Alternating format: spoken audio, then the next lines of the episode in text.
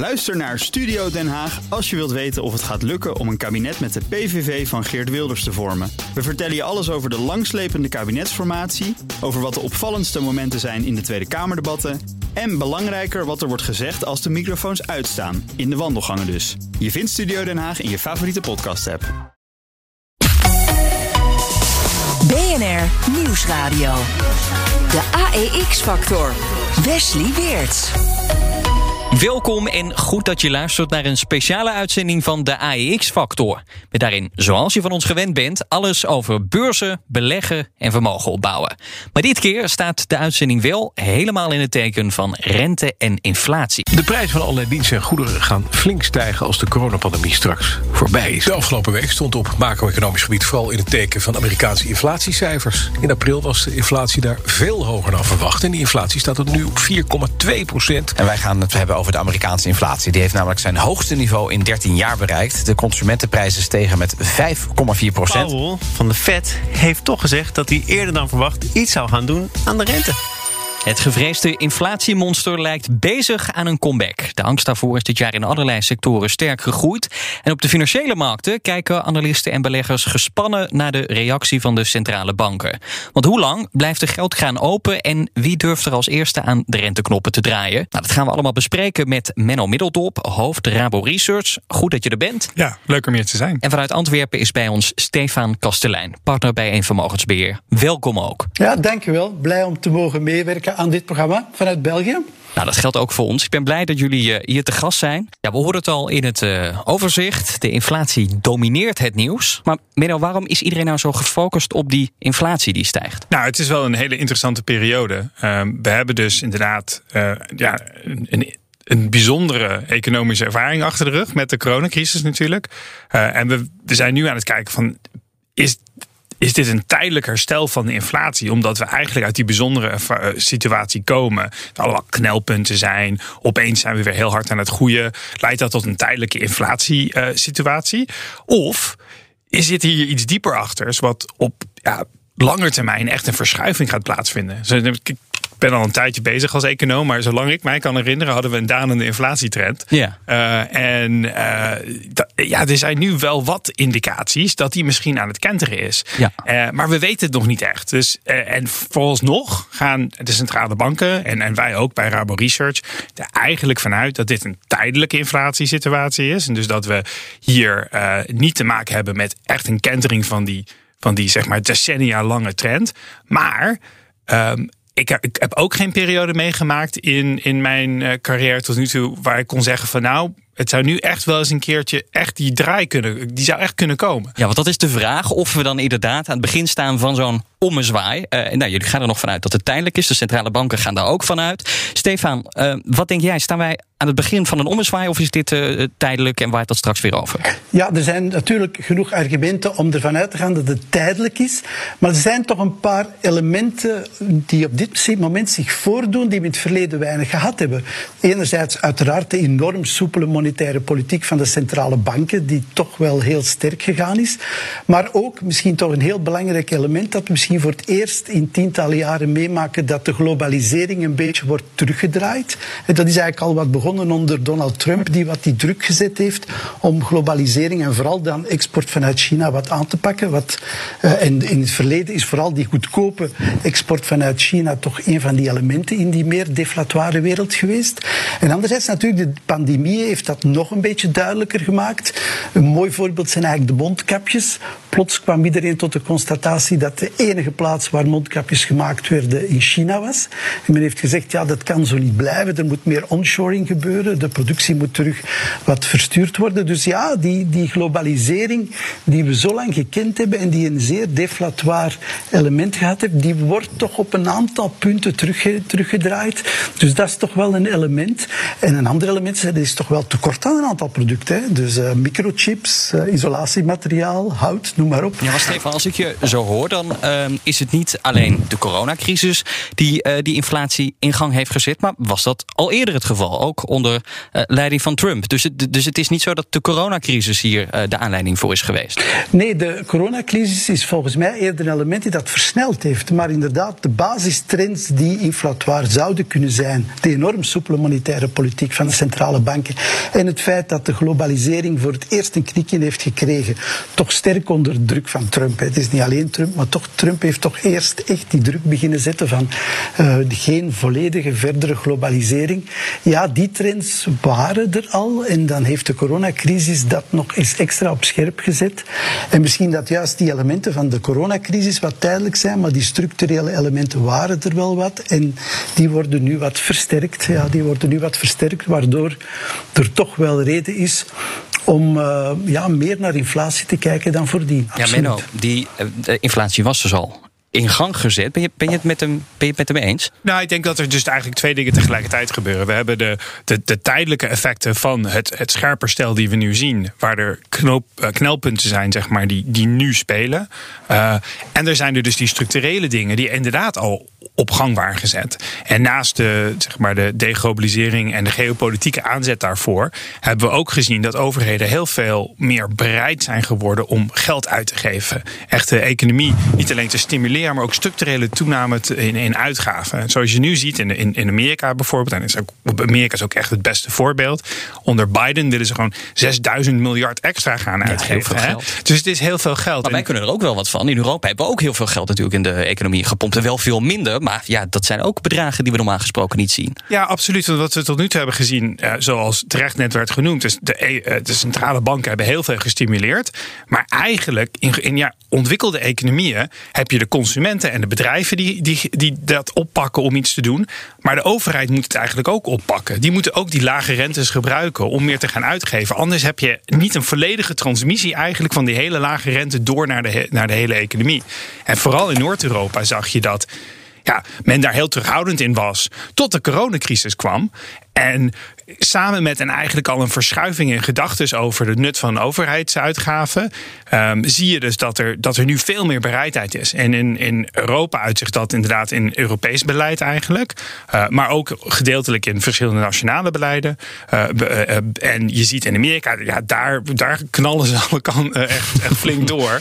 en het ziet er nu zelfs naar uit dat ja, de Democraten en de Republikeinen er misschien uitkomen over infrastructuur. Dus dat er echt gewoon wat, wat, wat goed wat geld uitgegeven kan worden. En dat is ook wel weer een, een structurele verschuiving wellicht. Ja, we hebben dus te maken met een, dat tijdelijke. Dat heeft dan met die grondstoffen te maken. Daar hebben we het in deze uitzending ook vaker over gehad. Die grondstofprijzen die door het dak gaan.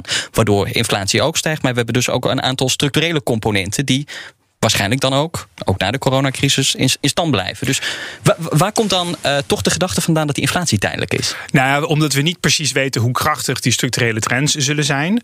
Um, en omdat inflatie moet een soort zelfversterkend proces worden. Hè? Dus um, inflatie moet zich doorvertalen in hogere lonen. Uh, en dat moet zich weer dan weer doorvertalen in hogere prijzen. En iedereen moet er dan vanuit gaan dat we een bepaalde inflatietempo erin komt te zitten. Als... Ja, maar dat zien we nog niet dan nu. Ja, vooral die lonen, die, dat, daar heb, dat begint een beetje in Amerika. In Europa ja, valt het nog wel mee. We zien wel wat tekenen van een arbeidsmarkttekorten. Dus dat kan een indicatie zijn dat dat nog komt. Maar die zouden ook echt met wel wat tijdelijke corona-effecten kunnen, uh, kunnen te maken kunnen hebben. Ja, we hebben de afgelopen jaren dit zo vaak meegemaakt. Hè, dat we dachten, oh, de arbeidsmarkt komt op gang. Er, komen wat, er komt wat loonsgroei aan. Vlak voor de coronacrisis crisis dachten we het ook in Nederland. Ja, dan bleek het toch niet te gebeuren. En centrale banken hebben het ook een aantal keer meegemaakt inmiddels.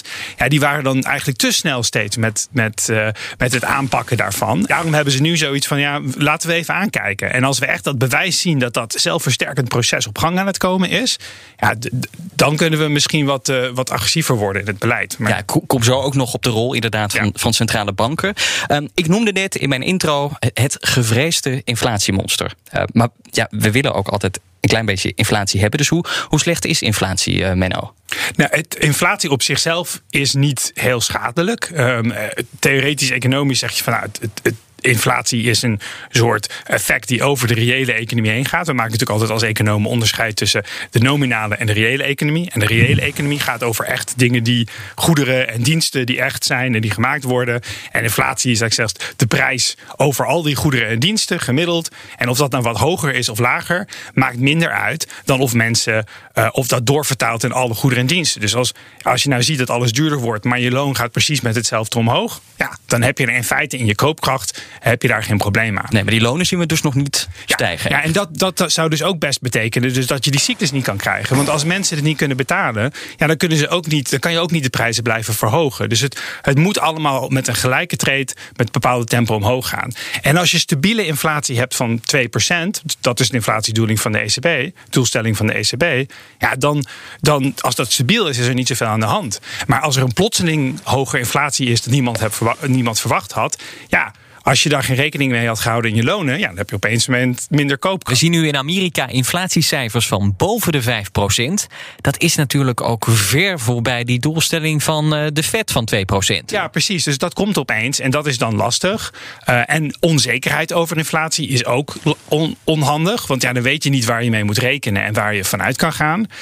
En dan het, voor, ook voor met name de aandelenmarkten, wat natuurlijk echt een probleem zou worden als je dan ook weer doorvertaalt naar renteverhogingen. Want dat, dat heeft een veel directer effect op de waardering van alle activa. Ja, want dat is dan de angst van beleggers. Op het moment dat die inflatie stijgt, dan zou dat misschien tot sneller ingrijpen van de centrale banken leiden. In ieder geval, dat zou tot afbouwen van eventuele steunmaatregelen gelden. En dat is weer nadelig voor eh, beleggers. Nou ja, ze zouden dus inderdaad eh, die opkoopprogramma's en de rente kunnen verhogen op een gegeven moment. En de vraag is, kunnen ze dat geleidelijk doen? Omdat ze alles goed in de smiezen hebben en ze precies een glijpad naar die 2% inflatiedoelstelling kunnen realiseren. En die geldt voor zowel de ECB als de Fed. Die hebben al, allebei 2% Ja. als doelstelling. Maar ja, als het een keertje misgaat en inflatie loopt uit de hand, zoals in de jaren 70 gebeurde, toen moest er een flinke recessie gecreëerd worden eigenlijk door Volcker, de, de, de hoofd van de, het heet ook de Volcker-recessie, van de, de, na de hoofd van de centrale bank toen, van de Amerikaanse centrale bank, de Fed. En ehm, ja, die ingreep heeft echt een flinke recessie veroorzaakt. Eh, en, en dus dat is, de, dat is het doemscenario. En dat was, voor, dat was ook geen goede periode voor, aandelen, voor de aandelenmarkt. Nee, Stefan, zie jij ehm, overeenkomsten met de jaren 70? Zijn die er? Of zijn deze situaties totaal niet met elkaar te vergelijken? Ja, het is toch wel heel verschillend. In de jaren 70 was een van de elementen die de inflatie aangewakkerd heeft de olieprijs, die enorm steeg en daardoor de kosten van alle bedrijven liet oplopen. Dat was toch wel een belangrijk element. En een ander, misschien toch merkwaardig verschil is toch ook wel de demografische evolutie. In de jaren 70 had je enorm veel mensen die plots op de arbeidsmarkt kwamen, die, die geboren waren na de Tweede Wereldoorlog. En ook veel mensen die veel langer leefden. Dus een enorme groei van de bevolking in de westerse wereld. En dat is nu niet het geval. Hè. Dus ik denk dat er toen wel heel veel elementen samenkwamen die de inflatie veel sterker gestuurd hebben dan nu. Maar wat nu natuurlijk nieuw is, eh, is, eh, is de rol van de centrale banken. Want toen, inderdaad, in de jaren 70, zoals Menno daarnet weergaf, hebben de centrale banken snel gereageerd. Zeker in Amerika, de rente verhoogd en eigenlijk de inflatie aangepakt. En het is een beetje de vraag of dat nu wel zal gebeuren. De Europese Centrale Bank heeft eigenlijk net zijn doelstellingen gewijzigd. Hè, want dat is eigenlijk een beetje voorbijgaan zonder al te veel informatie er rond. Maar het is toch wel belangrijk. Vroeger was het doel 2% inflatie, net iets minder dan dat. En nu is het doel gewoon 2%. Ja, Nu, dat lijkt twee, ja. geen groot verschil. Dat lijkt geen groot verschil, maar in praktijk betekent dat toch dat men vanaf nu bereid zou zijn gemiddeld 2% na te streven. Dus met andere woorden, we zouden een periode kunnen hebben van relatief lang inflatie boven die 2%. Maar we komen een periode van inflatie minder dan 2%. Dus het lijkt erop dat de centrale banken nu meer, of laten we zeggen, meer inflatie zouden toestaan of minder alert zullen zijn op die inflatie.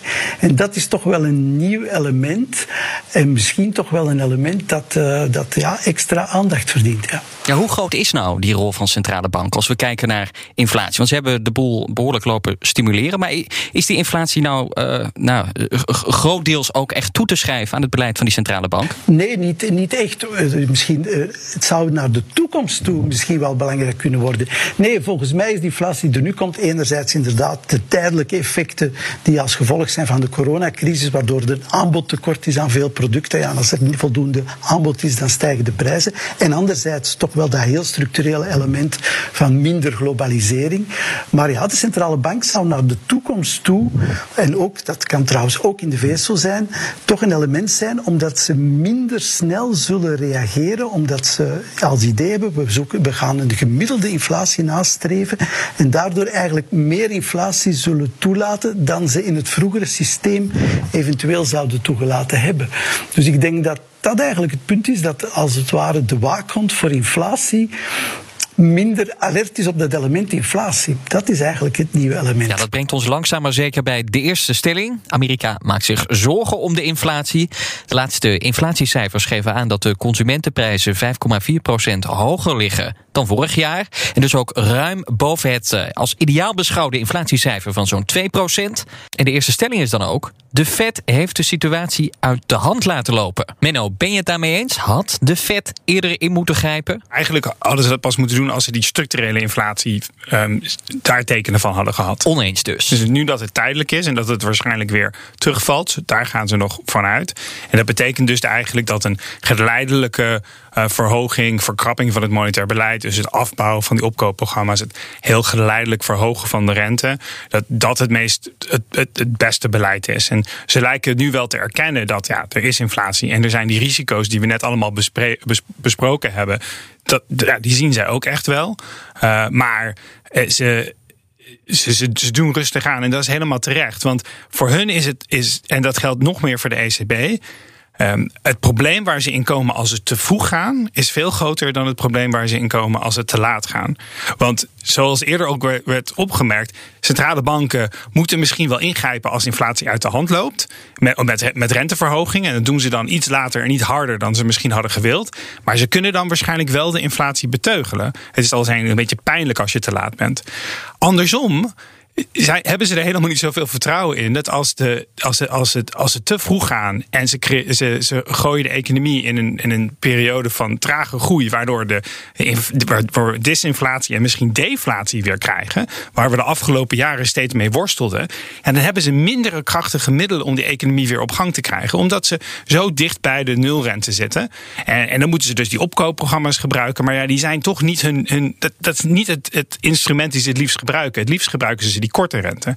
Ja, dus dat betekent dus dat voorzichtig zijn hier uh, waarschijnlijk verstandig is. Ja, alleen hoe, hoe weten we nou of. of nee, we hadden het net, we hadden wel wat indicatoren al besproken, maar er is niemand die natuurlijk zeker weet dat die inflatie tijdelijk is of niet. Um, maar er valt misschien wel wat te zeggen over factoren die zo'n tijdelijke inflatie permanent maken. En daar kan mede ook het beleid van de centrale banken voor zorgen. Nee, eigenlijk is die noodzakelijk. Hè? Dus eh, als je het hebt over structurele inflatie, dan zullen zeg maar meeste monetaire economen zeggen dat is eigenlijk omdat de centrale bank dat creëert. Ja, want je houdt de rente laag, koopt de obligaties op massaal en dat, daarmee wordt het structureel. Nou ja, of permanent. Alle beleid, de, dus de, de, de centrale bank zou inflatie in de economie op lange termijn moeten kunnen sturen door de geldhoeveelheid aan te passen en door de rente te verhogen en te verlagen. Of ze dat nou doen met die korte rente of met of opkoopbeleid. Het komt theoretisch een beetje eh, ben je met hetzelfde spelletje bezig. En als zij, dus om inflatie te hebben die boven de, de doelstelling komt, op een, op een lange termijn, zou je in feite een structurele beleidsfout moeten maken. En dat is in feite wat er in de jaren zeventig gebeurde. Um, er werd eerder gezegd dat ze snel ingrepen. Ze hebben op een gegeven moment hard ingegrepen, maar het was pas toen Volker aan de macht kwam. En zijn voorganger, die heeft eigenlijk de, de, de boel een beetje verkeerd ingeschat en te lang de inflatie hoog uh, Ja, toen hadden ze eerder in moeten grijpen. Toen hadden, toen hadden ze achteraf gezien wel eerder in moeten grijpen. Maar hoe weten we dat dat dan nu niet zo is? Ja, dat weten we dus niet. En, en, dus we weten dat niet zeker. En het, en, maar het beste, in, het beste waar we nu op kunnen letten is die loonontwikkeling en inflatieverwachtingen, zowel in de markt, daar hebben we metingen van, maar ook bij consumenten. Als iedereen op een gegeven moment denkt dat de inflatie structureel 4% blijft, dan, ja, dan loop je echt heel erg achter de feiten aan. En dan zul je ook waarschijnlijk flinke loongroei al hebben gezien. En totdat we wat meer dat. Want als je nu kijkt in de markt, als je kijkt naar bijvoorbeeld de lange termijn inflatieverwachtingen van de obligatiemarkt in de VS, ja, die is niet die is niet terug naar het niveau van jaren geleden. Uh, dus dat geeft niet aan dat de markt. De markt gaat er nu eigenlijk ook al vanuit dat, uh, dat dit een tijdelijk effect is. En dat de Fed voorlopig niet flink hard hoeft in te grijpen. Nee, oké. Maar de, de, de uh, voorzitter van de Fed, Jerome Powell, die roept de hele tijd: ja, inflatie is tijdelijk.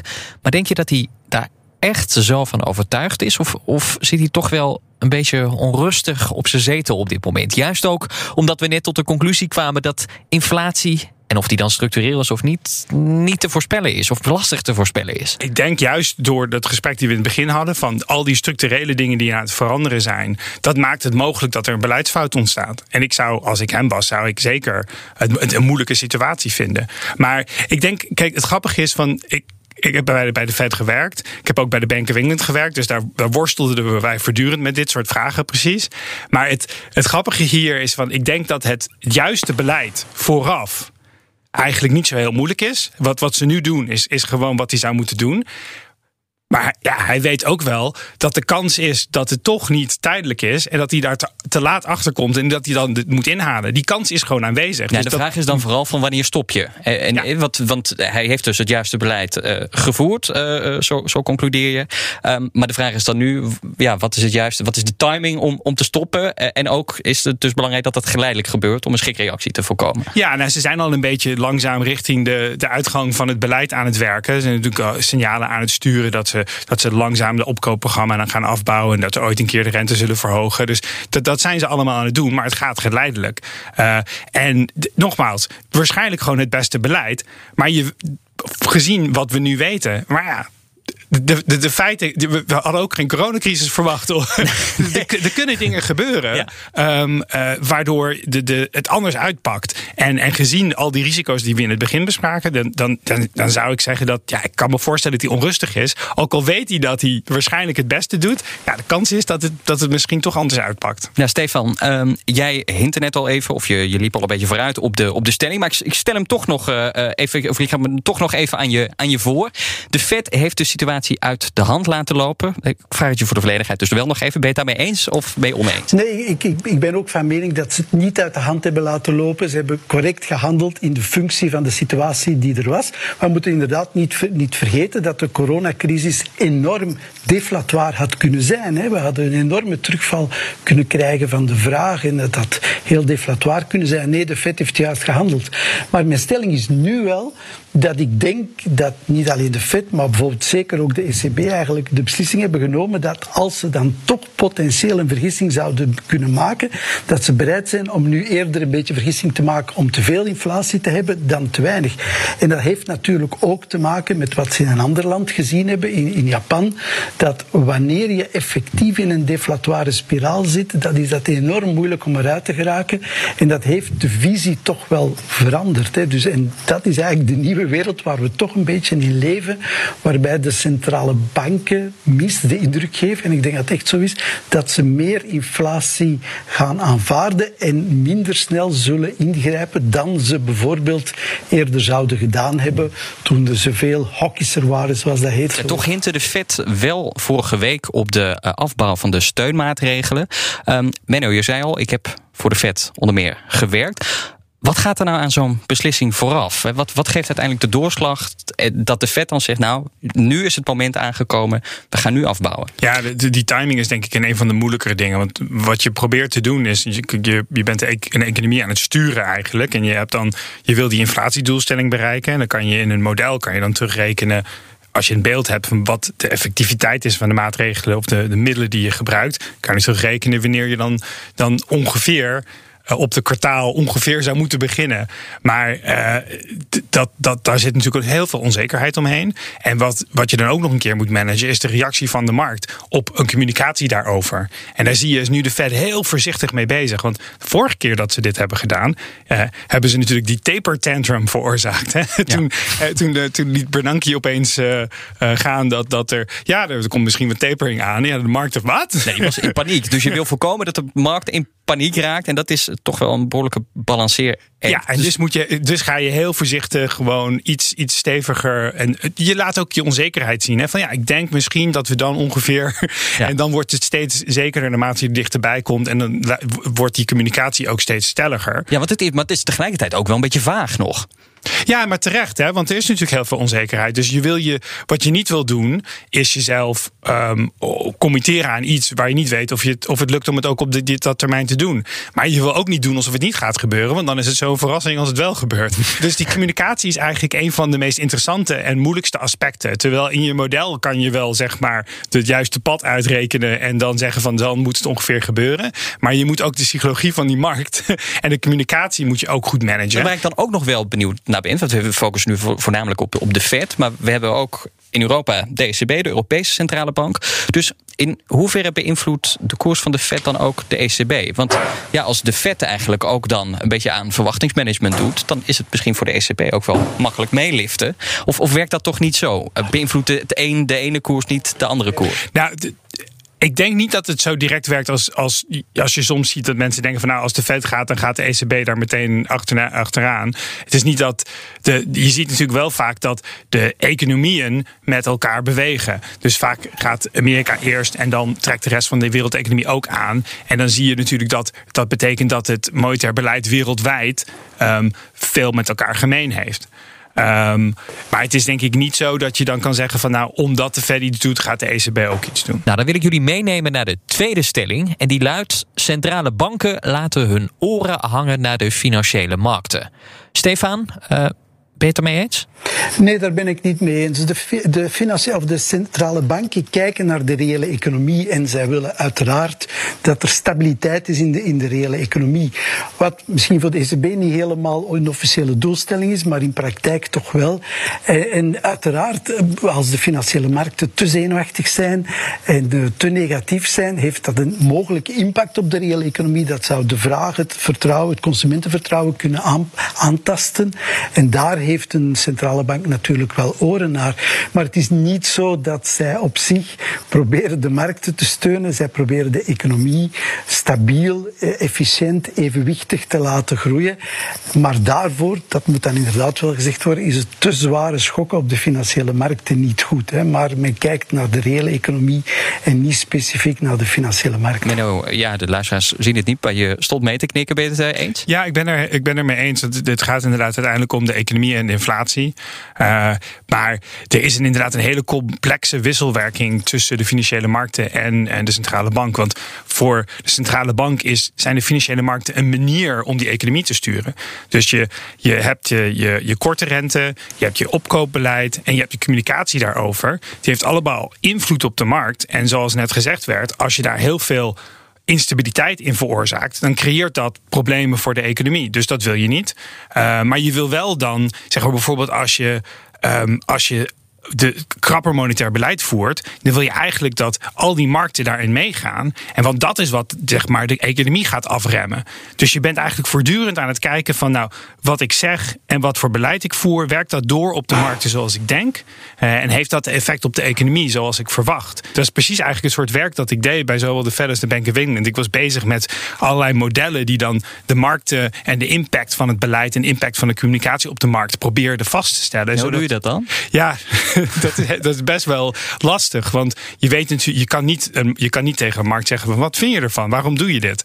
Um, we, deden wel heel veel enquêtes bijvoorbeeld van marktparticipanten. Die worden ook vaak vrijgegeven door zowel de ECB als de Fed. Die doen dat soort dingen en die delen dat ook weer terug met de markt.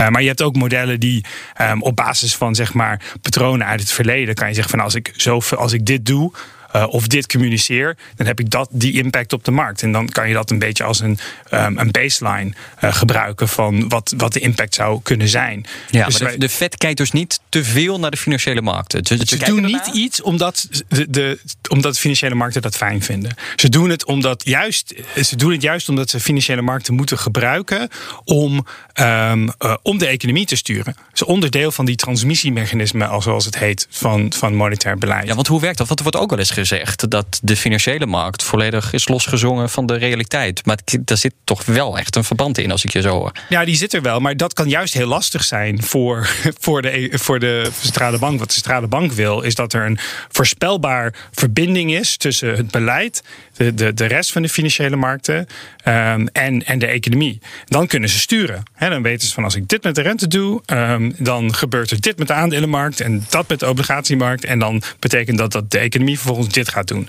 Dat zou fijn zijn als het zo werkte. Maar als mensen dan allebei andere gedachten erbij gaan halen en dat er bubbels ontstaan, of, of dat, dat helpt niet. Want dat, dat, dat, dat betekent dat die aansluiting tussen beleid en economie moeilijker wordt. Ehm, dus ze zijn er voortdurend mee bezig met het nadenken van nou, hoe strak is dat verband en, en werkt het zoals ik denk dat het zou moeten werken. Als we toch ook nog even kijken naar uh, gewoon uh, bedrijven, beursgenoteerde bedrijven, want die hebben de afgelopen tijd natuurlijk wel geprofiteerd van het beleid van de centrale banken, want door de lage rente konden veel bedrijven schulden aangaan, investeringen doen of eigen aandelen inkopen. Dat stuwde ook uiteindelijk de koersen omhoog. Stefan, wat nou als daar een einde aan komt? Want dat, dan, dan, dan kunnen bedrijven hun, hun borst nat maken. Ja, uiteraard een periode waarbij de rentevoeten zouden stijgen, zou heel moeilijk zijn voor heel veel bedrijven. Maar zoals gezegd, in mijn ogen is dat niet in de kaarten op kortere termijn. De centrale banken gaan relatief lang deze monetaire, soepele monetaire politiek verder zetten. Maar inderdaad, de, die soepele monetaire politiek steunt de beurskoersen. En dat is een trend die tot nader orde zal blijven duren. Maar als dat ooit voorbij komt, als je een heel strakke monetaire politiek hebt, zoals bijvoorbeeld inderdaad in de jaren 70 gebeurd is, hè, waar we net over hadden, die periode van de volkertijd, ja, dat waren geen goede beursjaren uiteraard. Hè. Nee, maar het wordt wel wat strakker dus allemaal. Dus we zien wel dat de teugels wel wat, wat aangetrokken worden. Ja, maar eigenlijk in mijn ogen niet echt. Uh, dus uh, ik denk dat de rentevoeten structureel laag zullen blijven, omdat de centrale banken zullen aanvaarden dat de inflatie toch iets, iets verder mag oplopen. Dus ik zie dit, uh, dat gevaar op dit moment nog niet komen. Nee, is er, zit er ook niet, ik noemde net de voordelen van, dat, van het beleid van de centrale banken, maar het nadeel is misschien ook dat ze, zijn, zijn beursgenoteerde bedrijven niet wat verslaafd geraakt ook aan het infuus van die centrale banken? Ja, je zou dat misschien gedeeltelijk kunnen zeggen, maar er is toch een merkwaardig fenomeen. De cash levels bij heel veel bedrijven zijn enorm. Bij, ik denk dat de S&P 500 aandelen nu gemiddeld in totaal iets van een 1500 miljard dollar cash hebben. Hè. Dus heel veel bedrijven hebben heel veel cash. Dat is inderdaad een probleem en die cash gebruiken ze om eigen aandelen in te kopen en dergelijke meer. Maar dus dat goedkope krediet hebben heel veel bedrijven in verhouding eigenlijk niet zoveel nodig. Hè. Dus de bedrijven zijn vaak heel sterk, zeker de grote bedrijven. Dus nee, ik denk dat die verslaving, om zo te zeggen, nog wel, uh, nog wel meevalt. Ja, als, als bedrijven zich wel moeten gaan voorbereiden op het einde van het gratis geldbeleid. En misschien is dat niet van de een op de andere dag. Dat weten we wel zeker dat dat niet van de een op de andere is. Maar als we daar toch langzaam maar zeker meer naartoe bewegen, hoe, hoe kunnen bedrijven zich daar, uh, daarop voorbereiden? Ja, het allerbelangrijkste voor een bedrijf is om voldoende marge te behouden in alles wat je doet. Als businessmodel moet je zorgen dat de marge sterk genoeg blijft. Hè. Dus dat is trouwens ook met de inflatie. Hè. Bedrijven moeten zorgen dat ze toch een zekere pricing power hebben. Dus moesten de prijzen van de input verhogen, dan moeten ze zorgen dat ze hun output in ieder geval ook duurder kunnen verkopen. En die marge verhouden, ja, dat is belangrijk. Hè. Bedrijven moeten marge behouden, moeten zorgen dat hun balans stevig blijft. En dan kan je eventueel een, uh, rentestijging wel, uh, wel doorstaan. Hè. We hebben het nu gehad over de rol van de centrale banken, de impact op, op de beurs, op beursgenoteerde bedrijven. Maar um, ik wil ook kijken naar uh, de rol van de belegger, of in ieder geval de impact op beleggers. Want uiteindelijk is dit een beleggingsprogramma. Dus uh, nou, we proberen ook uh, de, de luisteraars die te luisteren wat, wat handvatten mee te geven of van wat extra informatie te voorzien. Um, en daarmee komen we ook bij stelling 3 aan. Het dichtdraaien van de geldkraan is een ramp voor beleggers. Stefan, is het een ramp voor beleggers als die geldkraan echt wordt dichtgedraaid? Ja, als eh, de geldkraan dichtdraaien betekent dat de, centrale banken ook echt de rentevoeten gaan verhogen, dan zal dat een gevaarlijke periode zijn. Dus daar moeten we allemaal inderdaad naar uitkijken als de rentevoeten verhogen, een gevaarlijke periode. Maar zoals gezegd, er zijn altijd bedrijven die zich daar beter kunnen aan aanpassen, die effectief die pricing power hebben om zelf hun marges te verhogen in dergelijke perioden en die bijvoorbeeld niet veel schulden hebben en daardoor niet veel last hebben van de, van de lagere rente. Je zou misschien zelfs kunnen zeggen, er zijn dus heel veel bedrijven op dit moment die netto cash hebben. Die cash brengt totaal niks op bij de bank, dus moest de rente een beetje stijgen, dan gaan ze nog een klein beetje rente op die, op die cash hebben. Wat uiteraard niet de doelstelling van een bedrijf is, maar dus niet alle bedrijven zijn daar zo kwetsbaar aan. Dus dat hoeft Nee, want is het zo dat als je als belegger in, in echte groeiaandelen zit, zijn dat de aandelen die hier dan het hardst door geraakt worden? En dus ook de beleggers die daar voornamelijk met hun, met hun geld in zitten? Omdat zij veel met geleend geld werken? Nou ja, het, zeggen, het feit dat een aandeel een sterk groeibedrijf is, is dat zeker niet zo. Want veel van die grote topbedrijven, Alphabet, uh, Microsoft en zo, die hebben allemaal net cash. Hè, dus die zijn in mijn ogen veel minder kwetsbaar. Maar inderdaad, degenen die heel geleveraged zijn, die heel veel schulden hebben, die zouden inderdaad wel uh, kwetsbaarder zijn als de rente stijgt. Dat is inderdaad wel duidelijk. Dus ja, hoe kan men zich best beschermen door een sterk businessmodel hebben, mooie marges te hebben, een sterke balans, niet veel schulden. Ja, want we zien beleggers uh, nou, op het moment dat het gaat om, om stijgende uh, inflatie, we, we, zien beleggers wel wat zenuwachtig worden op zulke momenten. Waar heeft dat dan mee te maken? Waar zijn ze dan precies bang voor? Want die bedrijven waarin ze hun geld stoppen, en zeker als ze dan veel geleend geld hebben, nou, die ondervinden er hinder aan. Maar wat zijn, wat zijn nog meer uh, nadelige effecten van uh, nou, hoge inflatie, stijgende rente als het gaat om beleggers? Ja, maar ik denk het eerste element is, er zijn bedrijven die vooral leven, die vooral kosten hebben op basis van grondstoffen bijvoorbeeld. Als je inderdaad een beetje inflatie hebt die het gevolg is van grondstoffen die duurder worden, ja, dan kan dat voor een aantal bedrijven inderdaad wel kwetsbaar zijn. Hè. Zijn zo wel voorbeelden van. En bijvoorbeeld in de jaren 70 was dat heel groot probleem. Hè. Olieprijzen stegen zeer sterk. Olie is natuurlijk voor heel veel bedrijven een kost. Dus die kosten liepen enorm op. En veel bedrijven waren niet in staat om die extra kosten door te rekenen. Ja, want je kunt niet zomaar de, de prijzen eindeloos verhogen. Dus als je jou, jouw nee, inkoopprijzen nee. verhoogt of op uh, stijgen, dan kun je dat niet één op één doorrekenen aan de klant. En dat gaat ten koste van, van je marges als, als bedrijf. Ja, als je het wel kan doorrekenen, dan krijg je die cyclus dat de inflatie steeds terugkomt. Dus, ja. Maar dan kunnen alle bedrijven kunnen dat doorgeven. En de consumenten krijgen dan voldoende loonsverhoging om dan inderdaad dat te betalen. En dan wordt het een zelfversterkend proces. Ja, we noemden net al wat effecten, nadelige effecten voor, uh, voor, voor, beleggers. Maar men ook vraagt ook nog aan jou: wat voor nadelen heeft uh, de stijgende inflatie voor, voor particuliere beleggers? Wat hebben ze daarvan te vrezen? Inflatie op zichzelf is niet het, het, het gevaarlijke. Het is de onzekerheid over inflatie, omdat je dan niet weet waar je aan toe bent. En dan die renteverhogingen.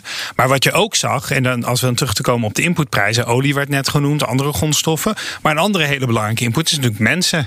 Mensen die voor je werken. En wat je ook zag in de jaren zeventig, is dat zij een steeds groter gedeelte toen van de inkomen van het bedrijf naar zich toe trokken. En in de periode daarna is dat omgedraaid. Hè? Um, een van de verschijnselen van de globalisering en de, de, de liberalisering van, van die periode is geweest dat de, het arbeid steeds kleiner deel van, van, uh, van de inkomsten van, van bedrijven heeft gekregen. Het zou best wel kunnen zijn als we structureel hogere inflatie hebben, dat dat omdraait. Dat, uh, dat die loonsgroei juist uh, betekent dat de marges van bedrijven onder druk komen, omdat, um, omdat arbeid wat meer kan claimen. Ja, dat kan weer nadelig uitpakken voor de beurskoers uiteindelijk. En, en um, is het ook niet gewoon zo dat dat beleggen dan gewoon minder interessant wordt? Want nu zien we mensen, sparen levert niks op. Nou, dan ga je eventueel naar de beurs. Daar kun je wel nog een rendement halen. Maar op het moment dat nou, inflatie toeneemt, rente stijgt, dan wordt beleggen misschien ook gewoon minder interessant. Ja, die transitie is gevaarlijk voor degenen die al geld hebben. Ja. Uh, maar op ja, en die dus al beleggen. Er is natuurlijk wel een, basiselement natuurlijk dat het, uh, dat het rendement op aandelen staat ten opzichte van het vastrendende rendement. En op dit moment is die zogenaamde risicopremie op aandelen zeer hoog. Het potentiële rendement van aandelen is veel hoger dan vastrenten, omdat vastrenten zo laag is. Dus dat klopt natuurlijk wel. Hè. Als vastrentend veel meer zou opbrengen, ja, dan wordt in verhouding aandelenbeleggingen iets minder interessant. Uh, en de waardering gemiddeld lager. Ja, dat klopt natuurlijk wel. Hè. Dus terug voorbeeld van de jaren 70. Ja, het waren geen goede beursjaren gemiddeld. Hè. Dus uh, dat klopt natuurlijk wel. Maar zoals gezegd, eigenlijk zitten we toch nog helemaal niet in, uh, in dergelijke cyclus voor, laten we zeggen, de eerstkomende jaren. Nee, dat zou dan voor later zijn. Dan wil ik toch uit, uh, vooruit, filosoferend op die komende jaren dan uh, naar de laatste stelling toe gaan. Um, vaak wordt goud als buffer of bescherming gezien. Um, maar stelling 4 is: crypto's zijn een buffer of bescherming tegen inflatie. Um, nee, no. Eens of oneens? Ik, ik weet niet precies wat crypto's zijn. Dat weet niemand. kijk, ja, kijk, als iedereen denkt dat het een buffer is en de, ja, dan kan dat. Uh, maar ik, ik, ik vind, ik, ik heb te weinig grip op, op wat een crypto qua onderliggende waarde zou moeten hebben. Ja, de intrinsieke waarde is lastig vast, is niet vast te stellen. Dus ja, dan vind ik het ook lastig om te zeggen van dat dat een, een, een zeker een, een soort hedge uh, uh, is tegen, tegen inflatie. Dus ja. Um... Stefan, ga ik naar jou. Wat denk jij? Eens of oneens? Ja, ik zou zeggen, eventjes over eigenlijk in principe oneens. En ik zal zeggen waarom. Wat goud betreft, een van de redenen waarom goud het goed doet in periodes van inflatie, omdat natuurlijk inflatie betekent dat geld op zich minder waard wordt. Terwijl goud, er is maar een beperkt aantal goud in de wereld. Dus dat behoudt eigenlijk zijn koopkracht. Dat is al heel lang zo, hè. zelfs van in de Romeinse tijd. Maar dat kennen we van de bitcoin ook, toch? Dat die, die, die schaarste. Ja, er, er zijn inderdaad maar een beperkt aantal bitcoins. Dus voor de bitcoin op zich gaat dat eigenlijk wel op. Maar er is wel een inflatie aan crypto's. Hè. Er zijn, iedere Mhm. dag, heb ik de indruk, worden er nieuwe crypto's uh, gelanceerd. Dus uh, je zou, als alleen maar de bitcoin bestond, zou je kunnen zeggen, ja, die zijn eigenlijk beperkt. Dus dat is een soort bescherming van inflatie, maar er is een inflatie aan, aan, aan, aan crypto's. Dus in mijn ogen gaat dat niet op. Maar wat Menno daarnet ook wel zegt, dat klopt wel. Als iedereen natuurlijk zou geloven van wel, dan, dan heeft het natuurlijk een andere impact. Maar ik, ik denk het dus niet. Hè. In mijn ogen zijn crypto's geen bescherming tegen inflatie. Nee, dus het is niet de vervanger voor goud. De 21ste eeuw variant van goud. Nee, volgens mij niet, nee. Nee, als we dan wel nog even kijken hoe dat je je uh, wel een beetje kunt indekken als belegger. Wat, wat zijn alternatieven? Hoe kun je ervoor zorgen dat je uh, dus niet een hoop geld verliest op het moment dat je te maken krijgt met stijgende inflatie, stijgende rentes? Stefan. Ja, op zich is toch de beste bescherming nog altijd reële activa. En aandelen horen daarbij. Dus, maar dan moet je wel in bedrijven investeren die inderdaad in staat zijn om toch zoveel mogelijk die marge te behouden en eventueel kosten, hogere kosten in de input, in hogere kosten in de output kunnen hebben. En andere reële activa zijn natuurlijk vastgoed. Een beetje in dezelfde redenering die in staat zijn om effectief bijvoorbeeld huren te verhogen en in die zin die prijsverhogingen te, te, te, te beschermen. Dus de beste bescherming tegen inflatie zijn reële activa, aandelen die uh, prijzen kunnen aanpassen en, en vastgoed dat ook ja, in, in die, uh, in die beweging kan meegaan. Als ik dan denk aan bedrijven die de prijzen wel kunnen verhogen, moet ik dan denken aan een heel duur automerk die nou ja, makkelijk misschien 20 tot 30 procent extra erbovenop kan rekenen? Of moet ik dan aan heel andere bedrijven denken? Dat, ja, dat is bijvoorbeeld wel een mooi voorbeeld inderdaad. Als je zou zeggen, luxe wagens, uh, vaak blijft dat wel zo, dat die vraag wel blijft en dat die verkoopprijzen effectief kunnen verhoogd worden. Je ziet dat nu wel, om eerlijk te zijn, met een aantal van die elektrische auto's. Die verkoopprijzen worden toch wel vrij hoog gezet en die marges zitten wel goed. En ja, dat is wel een voorbeeld daarvan, ja, absoluut. Ja, Menno, heb jij hier nog een aanvulling op? Als het dus gaat om de manieren waar ja, je kunt beschermen als belegger tegen inflatie en stijgende rente.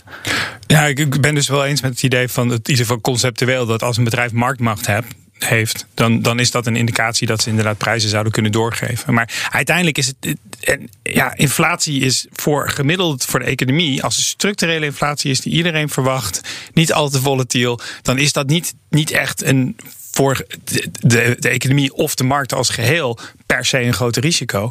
Dan is het meer de vraag van hoe onverwacht is het en welke bedrijven zijn wendbaar genoeg om daarmee om te gaan. Kunnen ze inderdaad doorgeven aan de consumenten? En krijg je die consumenten die loonsverhogingen, dan kunnen ze ook die, die, um, die, die hogere prijzen verwerken en kan die, die inflatie blijvend zijn. Uh, en dan kom ik dan terug op het, op het andere element die ik eerder noemde. Op, let op. Uh, de, de, de arbeidssituatie van dat bedrijf. Hebben ze, um, zijn ze heel erg arbeidsafhankelijk en krijg je grotere loonsverhoging? Ja, dan, dan is het, kan dat voor die specifieke bedrijven een issue zijn. Ja, kortom, uh, inflatie is niet per se slecht. Als er maar op een ja, rustige manier en of er ruimte is uh, en ruimte ook gepakt wordt door die centrale banken om het beleid langzaam maar zeker aan te passen, zodat iedereen daaraan kan wennen. Als het allemaal heel geleidelijk zou kunnen gaan, we gaan geleidelijk um, naar een, een, dat, dat, die 2% die ze voor ogen hebben. En ze hoeven niet heel erg hard in te grijpen om daar te komen. Uh, dan, dan is dat gewoon een mooi scenario. Ja, dan moeten de lonen ook nog meestijgen. Moet ik nu alvast aan gaan kloppen bij mijn baas voor uh, hogere lonen of hoeft dat nog niet? Ik, ik, ja, dat, ik ga je geen persoonlijk advies geven, maar uh, je kan het altijd proberen, toch? Nou, ga ik dat proberen. Dankjewel, Menno Middeldorp, hoofd Rabo Research. En vanuit Antwerpen, Stefan Kastelein, partner bij Eén Vermogensbeheer. En dit was ook meteen de AEX-factor. Ik hoop dat je volgende week vrijdag weer luistert. Uh, dan gewoon weer een normale aflevering. Vanaf 7 uur op de radio. En ook direct beschikbaar als extra lange podcast. En heb je voor ons nou een gouden beleggingstip? Of heb je iets gehoord waarvan je wilt checken of het wat is? Laat het ons weten door een mailtje te sturen naar axfactor.bnr.nl. Tot volgende week. Ook Thomas van Zeil vind je in de BNR-app. Je kunt live naar mij luisteren in Zaken doen. De BNR-app met breaking news, het laatste zakelijke nieuws... en je vindt er alle BNR-podcasts, bijvoorbeeld Het Nieuwe Geld. Download nu de gratis BNR-app en blijf scherp.